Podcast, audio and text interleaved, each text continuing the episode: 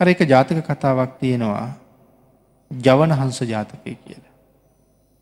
අපි බෝසතාණන් වහන්සේ ජවනහන්සේ කියලා ඉපදිලා. හරි වේගෙන් යන්ඩ පුළුවන් එක ජවන හංසකයන්.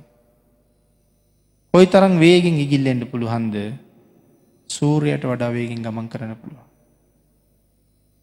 සඳහන් කරනවා බරණැස් අහසට ඉහලින් මෙහන්සේ අයිගිල්ලෙනවා. බර්ණස් රජිරුවන්ට ලොකු ඕනකමක් තිබ්බා මේ හංස රජ්ජිරුත්තක යාළුවෙන්. තීරණය කලා එක දවසක් මගේ යාළුවාට බණක් කියලා එන්ඩෝ නෑ නිකන්න මේ බය කරලා බණ කියන්න ඕනක. ආංගේ බය කරන්න යෙන්නේ මුළු දඹදිවා අහසේම ඉගිල්ලෙනවා හිරු රැස් මහපොලෝට පතිත වෙන්න දෙන්න. හිතන්නක හිරු රැස්වලට මහපොලෝට එන්ඩ දෙන්න නැතුව මුළු ජම්බුත් දීපේ තරං භූමියක් වහන්ඩ ඔයි තරං වේගෙන් ඉගිල්ලෙන්ට ඕන දෙහට මෑට කිය.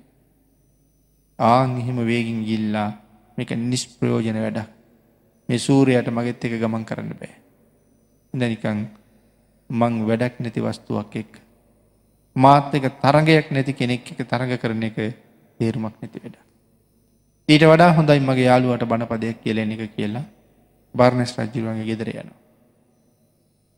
රජ්ජුරු අහනව කාරණාව ආපුවම කියනවා. අනේ ස්වාමී සූරයත් එක දුවපු වේගේ මට පෙන්න්නට බැරිද කිව්වා. මහරජ වැඩක් නෑ. ඒක පෙන්වට ඔබතුමට පේෙන්නෑ කිව. අනි මට මොකක් හරි ක්‍රමයකින් ඒක පෙන්න්නට. රජ්ජුරුවන්ගෙන් බේරෙන්ඩම බෑනේ එහින්දකිව මහ පිට්ටනියකට ගිහිල්ලා. ඔබ ගාවන්න දක්ෂතම දුන්ුවාව හතර දෙනෙක් අරගෙන ගිහිල්ලා. ඒ හතර දෙනාට කියන්ඩ එක්කම වර හතර පැත්තට ඊතල හතරක් මුදාහරින්න කියලා. ඒගොලු මුදාහරණ ඊතල අති චේම්ම වේගවත්. පෑකට ගැන කතා කිරුව සැතපොම් දස් ගානක් වේගෙන් ගමන් කරන විදිහර තමයි ඒගොලු ඊතල මුදාහරින්නේ. අතර දෙනෙ අතර පැත්තට මුදාහරින්ට කියනවා එක ඊතලයක්වත් වැටෙන් නැතුව මංගේනවා කියනවා. රජ්ජුරු ඒ වැඩේ කරනවා. අති දක්ෂ දුනුවාය හතර දෙනෙක් ඊතල හතරක් මුදාහරනවා එකම පාර ජවන හංස රජ්ජුරුව ඒ ඊතල හතරෙන් එකක්වත් බිම වැටෙන්ට කලින් ඔක්කොම අහුලගෙන නෝ රජ්ජුරුගාවට. රජ්ජුරුවන්ට ඒ ප්‍රීතිය දරාගන්න බෑ. යාළුවගේ තියෙන හැකියාව. රජ්ජුරු අහනවා මිත්‍රයා. ඔබේ ඔය වේගේට වඩා වේගෙන් යන වස්තුවක් මේ ලෝකෙ තව තියෙනවද කියලා. මොකද නැත්තෙ මහරජතුමනි මගේ වේගේ මොකක්ද මහරජය ඊට වඩා බොහොම වේගෙන් යන දෙයක් තියෙන. මොකද ස්වාමී.